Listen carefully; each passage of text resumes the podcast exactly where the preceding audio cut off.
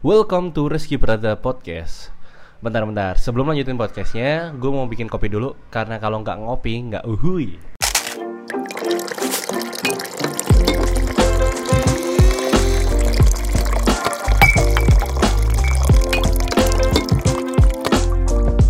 Oke, balik lagi ke Rizky Pradata Podcast. Baik, di podcast kali ini um, Gue tidak akan ngomongin soal Shutterstock Karena gue pengen ngomongin soal set hustle gue yang lainnya Yang mungkin jarang banget orang tahu Karena gue jarang sharing soal ini. Tapi uh, gue sih ada rencana untuk uh, sharing-sharing hal kayak gini ya Dan lebih banyak lagi.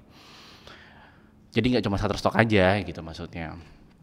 Uh, cuman gue kasih tau alasan dulu kenapa gue pengen bikin podcast ini karena beberapa um, hari yang lalu tepatnya gue gak lupa minggu lalu pokoknya dari gue rekaman podcast ini gue diajakin oleh salah satu uh, sejenis kursus online gitu ya.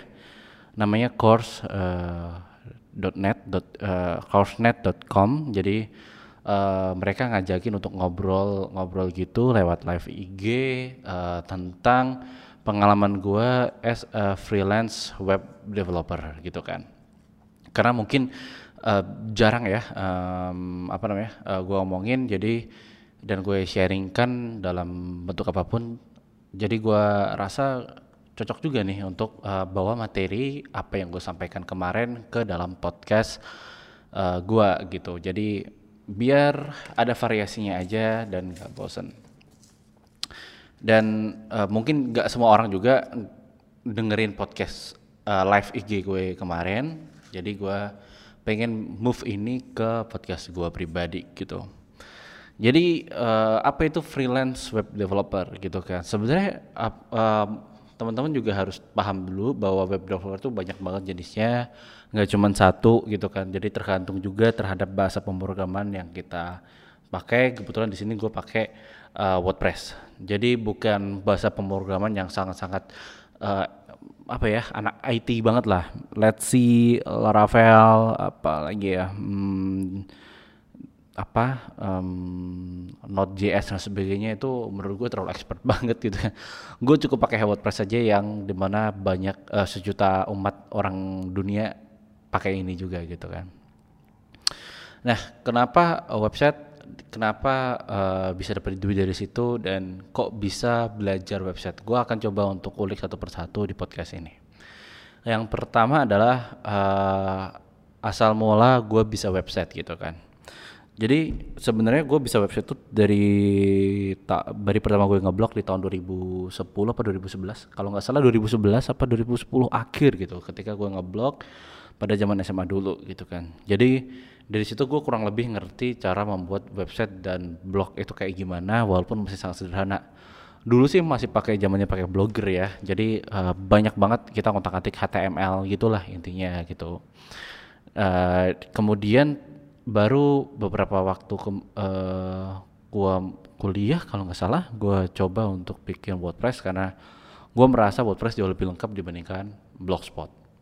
Jadi gue move ke WordPress uh, untuk gue bikin website gue pribadi gitu ya pada saat itu sih gue masih bingung juga uh, gue ngerti cara pakainya tapi gue nggak bisa expert itu. Jadi gue sangat terkungkum atau sangat terbatasi oleh kode-kode yang ada karena gue gak ngerti kode sama sekali. Dan gue cuma cari template yang pas plugin yang pas untuk bikin satu website gitu. Jadi kayak gue dulu muter aja dikit di situ gitu cari template yang pas uh, adjusting dikit cari template yang pas adjusting dikit. Cuman gitu aja. Jadi nggak gue nggak bisa bikin website yang sangat customized gitu. Sehingga gue ngerasa gue masih belum jago karena kalau lu jago gue standar gue ketika waktu itu kalau lu jago ya harus bisa customize website gitu kan. Hingga akhirnya hingga akhirnya gue pada saat itu tahun 2016 kalau nggak salah gue dipasar dipasrahin uh, organisasi kampus gue untuk bikin website uh, terkait company profile organisasi gitulah. Bukan organisasi kampus sih ya organisasi waktu di kampus gitulah. Jadi gue bikin uh, dan gue waktu itu dikasih sejumlah uang oleh organisasi gue untuk cari vendor aja gitu. Tapi ntar lu yang maintenance gitu kan. Dan akhirnya gue ketemu vendor yang pas yaitu teman gue sendiri kebetulan yang di mana dia adalah orang pertama yang ngajarin gue website uh, full custom tuh kayak gimana. Dan akhirnya gue minta bantuannya dia untuk bikin web kampus gue dan gue yang maintenance gitu kan. Ketika udah jadi gue diajarin secara sepintas sekilas aja paling nggak ada sejam paling setengah jam aja terkait cara tata cara benerin dan ngedit mm, konten website gitu kan. Cuman dari situ gue berkenalan dengan salah satu uh, tema yang sa saat ini sampai sampai saat ini gue udah pakai uh, bahkan gue rela untuk bayar lisensinya yaitu tema-tema yang uh, tema yang punya buildernya ya. Jadi kita bisa customize drag and drop uh, tanpa harus kita pakai coding gitu kan. Nah dari situ gue ngerasa kayak oh gue bisa banyak ini nih bisa banyak belajar gue bisa banyak eksplorasi terkait hal tersebut gitu kan uh, purpose-nya apa uh, buat apa gitu kan purpose-nya sebenarnya bukan untuk cari klien pada saat itu uh, yaitu lebih ke website gue pribadi gitu kan di reviewpradata.com gue pengen tingkatin tampilannya biar lebih customized dan lebih oke okay, lebih minimalis juga gitu kan.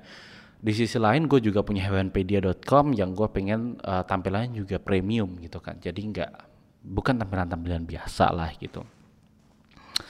Nah dari situ itu gue uh, coba ulik, ulik, ulik, ulik dan ternyata sangat enak banget pakai builder itu dan gue ngerasa wah bisa nih untuk misal ada yang minta bantu ke gue, gue bisa bantu untuk build the websitenya gitu, websitenya dia gitu kan. Hingga akhirnya gue waktu itu punya temen uh, sohib uh, namanya Seno, Seno uh, punya banyak pengalaman terkait UI UX. Dia bisa banget untuk bikin desain lewat sketch uh, ataupun mungkin apa namanya satunya sketch itu ya uh, Figma maybe ya uh, gua agak lupa namanya apa ya Figma kalau nggak salah dia jago banget itu dan dia punya klien luar negeri gitu kan. Dan dia cerita-cerita ke gua dapatnya segini-segini sehingga dia bisa beli MacBook dia bisa beli iPhone dia bisa beli apa namanya ya? Uh, dia Apple boy banget apa? Uh, Apple Watch, iWatch. Nah, itu dia juga bisa beli itu sehingga akhirnya AirPod juga. Dari kerjaan-kerjaan dia freelance dan itu keren banget sih. Karena memang uh, dia punya banyak klien dari luar negeri gitu kan. Nah akhirnya dari situ gue mau belajar soal gimana sih cara bik, uh, cara dapetin klien-klien di luar negeri dan uh, gue harus lakuin apa nih untuk mempersiapin gitu gitu kan. Jadi uh, setelah gue bedah dulu nih kemampuan gue itu apa sih? Oh ternyata gue itu bisa bikin buat press yang tampilannya oke okay banget. Jadi base gue itu bukan untuk di line codingnya tapi lebih ke branding strateginya gitu kan kebetulan gue kuliah di ilmu komunikasi UGM dan gue cukup paham bagaimana cara menyusun kata yang oke okay dan baik agar customer dari uh, salah satu brand itu suka nih sama uh, ngerti nih dan suka sama produk dari brand tersebut gitu kan. Jadi base gue di komunikasi, jadi uh, how to deliver a message-nya gue paham gitu kan. Dan gue dilengkapin juga dengan cara kemampuan teknis gue untuk uh, bikin website gitu kan. Uh, walaupun masih sekedar WordPress ya. Nah, gara-gara itu gue coba padu-padakan dan gue coba open a service uh, untuk hal tersebut gitu kan. Untuk gimana kalau gue jual jasa as a web developer gitu kan pada saat itu sih sangat susah banget untuk mencari klien luar negeri. Gue cuma dapet klien-klien lokal yang itu aja rekomendasi dari temen karena ngelihat website gue bagus. Website gue pribadi uh, tuh bagus dan dia percayain mas bisa nggak untuk bantuin uh, rebrand atau redevelop uh, websitenya dia agar lebih cakep juga? Websitenya dia tentu ya purpose-nya untuk branding ya untuk uh, untuk apa namanya untuk pencitraan lah bisa dibilang gitulah. Untuk um, apa identitas digitalnya dia di internet gitu biar makin oke okay nih. Biar pelanggan ketika datang ke dia dia percaya dengan produknya dia pada saat itu. Dan gue coba untuk ulik dan gue coba untuk bikin dan uh, klien suka banget nih sama hasilnya gitu kan. Dari situ gue ngerasa gue pede nih untuk jual lagi gitu kan. Dan gue sama Seno kita akhirnya merger uh, kita kolaborasi aja deh. Uh, lu bagian UI UX-nya gue bagian teknisnya gitu kan. Teknis uh, bikin websitenya gitu kan. Dan gue kasih inputan juga dan gue juga urusan untuk uh, apa namanya uh, ngobrol sama kliennya gitulah sebagai account eksekutifnya dia. Nah dari situ uh, kita banyak klien, banyak klien uh, lokal-lokal dulu, mungkin dari perusahaan, dari referensi teman dan sebagainya. Dan dari situ gue punya nih, punya apa namanya, uh, bisa punya portofolio yang oke. Okay. Nah portofolio itu akhirnya gue pasang di mana-mana nih, termasuk di website pribadi gue yang nantinya kalau ada orang yang nanyain portofolio mas di mana, ya di website gue gitu kan. Terus mungkin jadi gue bisa bilang bahwa portofolio itu is the king ya uh, untuk kalian kalau mau jualan uh, as a freelance web developer gitu kan khususnya untuk WordPress ya ya nggak cuma WordPress sebenarnya everything itu butuh portofolio gitu kan karena sesimpel gini gue suka banget pakai uh, apa namanya perumpamaan gini teman-teman bayangin teman-teman tuh punya uang uh, cukup banyak dan teman-teman pengen merombak rumah teman-teman uh, jadi lebih estetis, jadi lebih indah dan teman-teman suka. Dari, karena teman-teman nggak begitu paham nih tentang desain rumah yang bagus, akhirnya teman-teman meng-hire apa namanya desainer uh, interior atau mungkin uh, arsitek ya untuk membantu teman-teman membenarkan atau mengupgrade rumah teman-teman.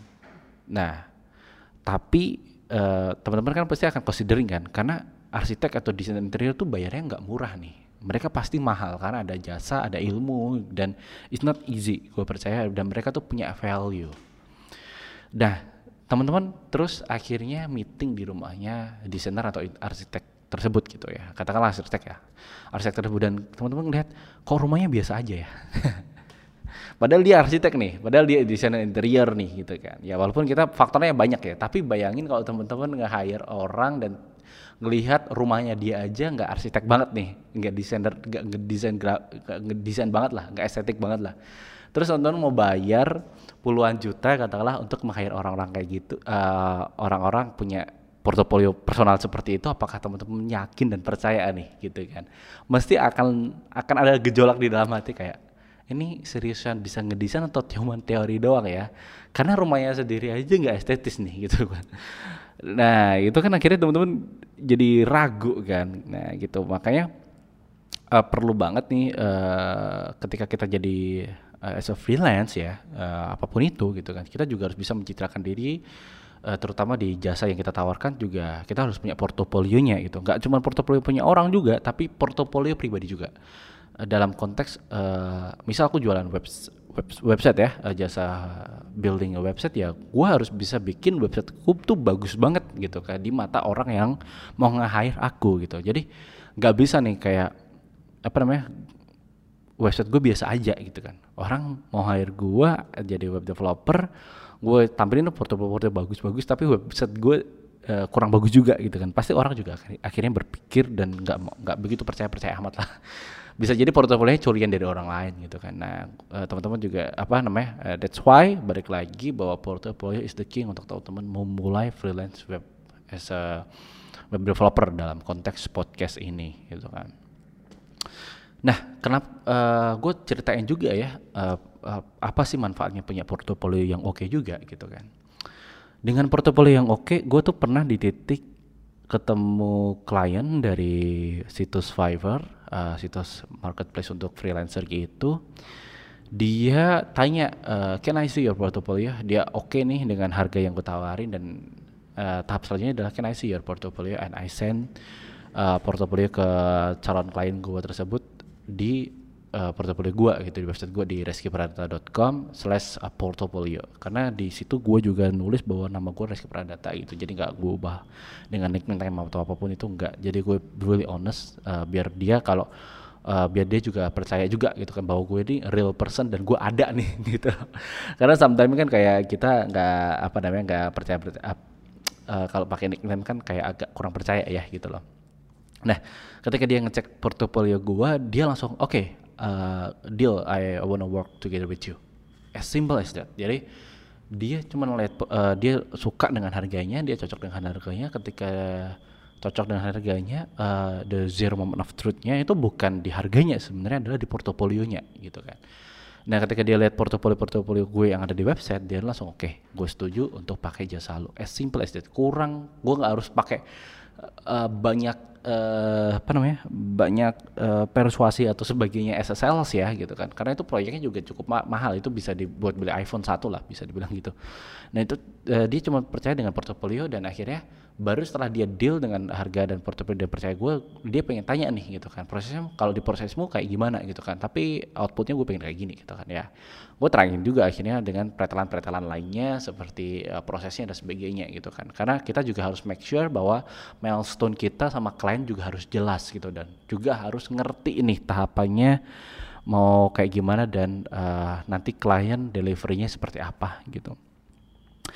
Nah um, Terus pertanyaan selanjutnya adalah gimana mas cara uh, ketika kita udah kita saya udah punya portofolio nih mas gitu kan kemarin ada ada orang yang tanya saya udah punya portofolio tapi gua nggak uh, dia gak susah untuk dapetin klien gitu kan.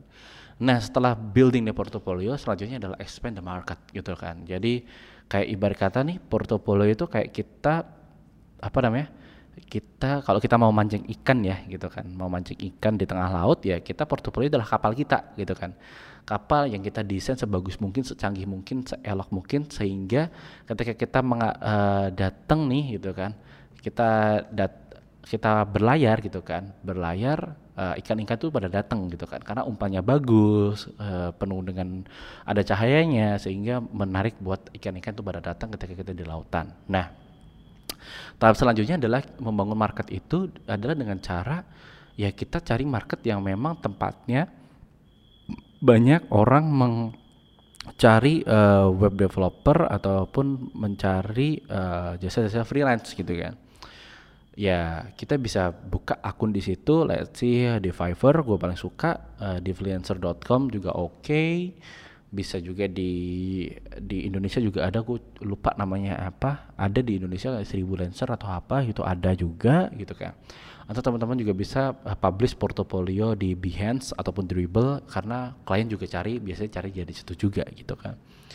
Jadi it's so really easy uh, buat teman-teman uh, bukan easy sih uh, ya easy lah karena it's all free totally free untuk kita place bikin akun aja dan menawarkan jasa kita di situ gitu kan yang penting portofolionya jelas dan kita makin banyak marketnya maka, maka uh, potensial kliennya itu juga makin besar apalagi kalau kita portofolionya oke okay banget gitu kan Nah, um, kurang lebih gitu tuh. Kalau teman-teman mau mulai freelance uh, sebagai developer, uh, ya bisa dulu mulai dari portofolio dan akhirnya expand the market gitu kan. Terus kemarin ada tanya juga, Mas kalau kan portofolio itu kan harus pakai klien ya, sedangkan kita tuh masih awal nggak punya klien, nggak harus sebenarnya, nggak harus punya klien seriusan gitu kan. Bisa aja teman-teman ya kayak tadi aku tuh aku bikin um, portofolionya melalui website gue uh, websiteku pribadi ya website gue pribadi gitu ya. Dari website gue pribadi itu jadi bisa jadi portofolio. Jadi teman-teman bisa include juga personal project untuk jadi portofolio teman-teman. Jadi ataupun teman-teman agak ngerasa gatel nih gitu kan dengan salah satu website orang atau mungkin website-website brand brand besar yang uh, kurang oke okay lah secara desain katakanlah gitu kan ya. Terus teman-teman kayak gue mau rombak deh gitu kan. Ah, nggak uh, harus pakai izin juga karena itu kan untuk case study juga ya itu juga bisa jadi portofolio gitu kan. Jadi uh, building aja portofolio di awal-awal habis itu baru uh, uh, cari marketnya uh, place your portfolio in the fit market gitu loh nah kurang lebih kayak gitu uh, tahapannya gitu kan. Terus um, kemarin juga ada yang tanya, uh, Mas, uh, aku pengen belajar web developer nih gitu kan. Belajarnya dari mana ya gitu, Mas Reski sempat ikut kursus apa enggak gitu kan.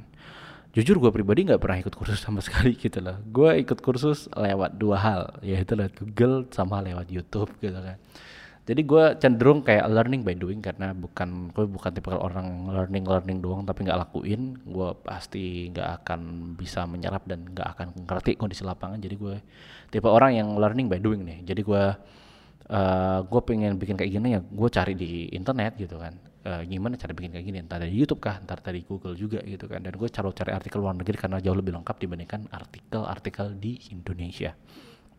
Nah dari situ gue bisa nih web developer. Jadi uh, base gue sebenarnya nggak nggak ngerti sama sekali. Even coding aja nggak ngerti gitu kan. Coding aja aku tuh sangat sangat awam banget gitu kan. Bukan orang-orang yang benar-benar jago coding dari awal uh, dulu. Karena memang sekolahnya di dunia IT atau di dunia coding gitu. Gue bukan orang kayak gitu. Gue lebih ke strateginya gitu. Strategi konten dan komunikasinya seperti apa. Karena gue anak komunikasi kebetulan. Nah terus juga hmm, gue kalau nggak salah gue inget juga uh, pengalaman unik apa yang bisa didapetin dari klien gitu kan. Gue juga pernah punya pengalaman unik dapat klien dari Nigeria gitu kan. Uh, dari uh, Nigeria di Afrika gitu kan. Ini salah satu klien yang paling unik sebenarnya gue dia kontak gue lewat Fiverr dan uh, dia bilang dia butuh website dia punya briefnya gue suruh kirim briefnya dan dia uh, bilang sama gue bisa nggak ini dikerjain dalam satu hari? Gitu kan 24 jam. Oke gue bilang bisa gitu kan. Tapi gue mau naikin harganya dua kali lipat. Oke if you okay with it deal gitu kan. Akhirnya gue bikin gue cuman bikin tiga menit tiga jam empat sampai empat jam doang gitu kan. Bener fokus di depan laptop gue bikin tiga sampai empat jam doang. And tada jadi dan kliennya kaget gitu. Buset why you so fast gitu kan. Gue pakai builder sih. Jadi gue nggak pakai coding coding yang bercoding hard coding gitu nggak. Gue pakai builder jadi cepet banget gitu kan. Nah karena klienku juga belum begitu paham soal itu gitu kan ya. Akhirnya dia kaget sendiri dan dia ngasih gue insentif tambahan lah dari situ gitu kan. Dan lumayan juga hasilnya gitu kan. Jadi gue bisa kerja selama 4 jam tapi dengan bisa uh, ngidupin gue dengan gaji yang bisa lebih dari gaji gue selama sebulan di kantor di kantor gitu. Jadi kayak wah lumayan juga duitnya gitu kan. Dan gue juga baru ingat bahwa free set hustle gue uh, cuk, uh, untuk free web developer itu salah satu yang terbesar yang turut andil di tahun 2020 gitu. Bahkan ada juga gue di hire sama orang Hong Kong untuk uh, maintenance website dia biar websitenya dia oke oke aja dan doesn't have any problem gitu kan. Nah ya itu lumayan juga uh, duit bulannya bayar pakai dolar soalnya. Dan gue ya lumayan juga lah cuannya dari situ gitu kan. Terus mungkin teman-teman uh, belajar uh, ada keraguan juga ya. Uh, kemarin tuh ada tanya mas kalau aku nggak begitu mengerti bahasa Inggris gimana? Santai ada bah Google dan kalian itu kan nggak direct langsung telepon ya. Bisa aja lewat chat gitu kan. Kalau teman-teman diajak uh, teman-teman diajak Eh, video call gitu kan. Itu nggak apa-apa diangkat aja gitu kan. But kasih pengertian dulu ke klien bahwa di, kamu nggak begitu hafal dan lancar bahasa Inggris gitu kan. Kalau pengen tetap mau video call. Biasanya klien pengen video call tuh cuman pengen validasi doang gitu bahwa kamu tuh real human dan uh, kamu nggak coba untuk membohongin dia. Karena banyak klien yang mungkin juga quote and quote uh, agak kapok lah cari freelance gitu loh. Karena dia punya pengalaman buruk gitu. Jadi ya dimanusiakan aja sih klien kalau menurut gue um, gue rencana juga paling uh, bulan uh, apa namanya gue pengen lebih banyak lagi uh, untuk membantu gitu untuk bikin web gitu kan uh, lebih banyak klien lagi di tahun ini karena gue masih sangat enjoy banget untuk bikin website gitu kan. Jadi uh, gue pengen memperluas lagi gitu kan uh, cara apa namanya uh, jasa gue dan lebih memperluas lagi market-market gua yang untuk freelance web developer. Karena makin ke sini uh, website itu makin dibutuhkan karena kita udah bener-bener nggak bisa pisah dari dunia digital gitu kan. Jadi website itu sangat-sangat penting banget. Dan ketika itu menjadi sangat penting akhirnya semua orang butuh website. Walaupun sebenarnya ini udah bukan blue ocean ya, karena ini udah red ocean banget. Mungkin bukan red ocean lagi dark ocean kali. Jadi koinnya besar banget, tapi teman-teman nggak harus punya pangsa pasar yang gede, cukup kecil aja. Paling uh, gue sendiri sih paling cuma butuh satu sampai dua klien aja per bulan gitu kan udah cukup oke okay hasilnya. Karena gue bener-bener ngejar quality dibandingkan quantity klien gitu.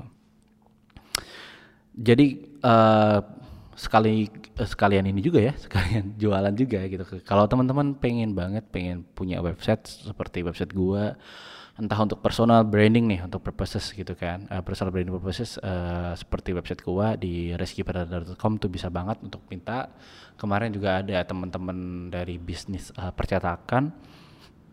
Websitenya gue benerin dan gara-gara websitenya bener uh, banyak klien-klien mereka yang percaya sama untuk cetak lebih besar banyak jumlahnya eh, lebih besar jumlah cetaknya gara-gara websitenya bener gitu. Jadi kayak ada nge uh, increasing sales gitu. Bahkan ada juga website dari Hong Kong klien gue salah satu salah satu gue bilang ketika websitenya udah dibenerin uh, dia itu dari bisa penghasilannya omsetnya bisa naik enam kali lipat gara-gara websitenya oke okay, gitu kan. Jadi orang mau ngeluarin duit gede juga nggak masalah gitu. Dia langsung percaya juga gitu kan gara-gara itu.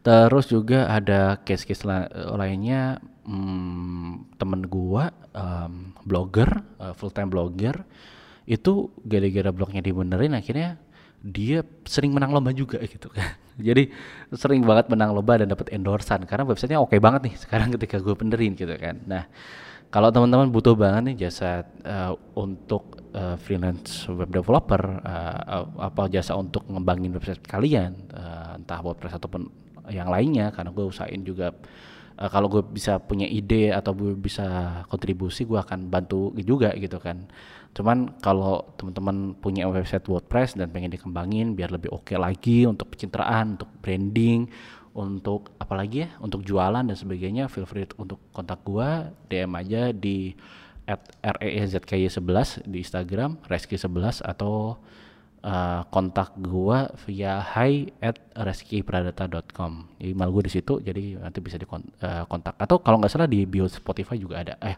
di apa? Di deskripsi podcast ini di Spotify ada gitu kan. Jadi feel free untuk kontak gua. Udah gitu aja teman-teman. Semoga uh, buat teman-teman yang apa namanya uh, yang ingin memulai website uh, jadi freelance web developer atau freelance freelance lainnya bisa segera mulai dan uh, bermanfaat ketik uh, dan bermanfaat gara-gara dengerin podcast ini. Semoga mencerahkan. Sampai jumpa di podcast selanjutnya.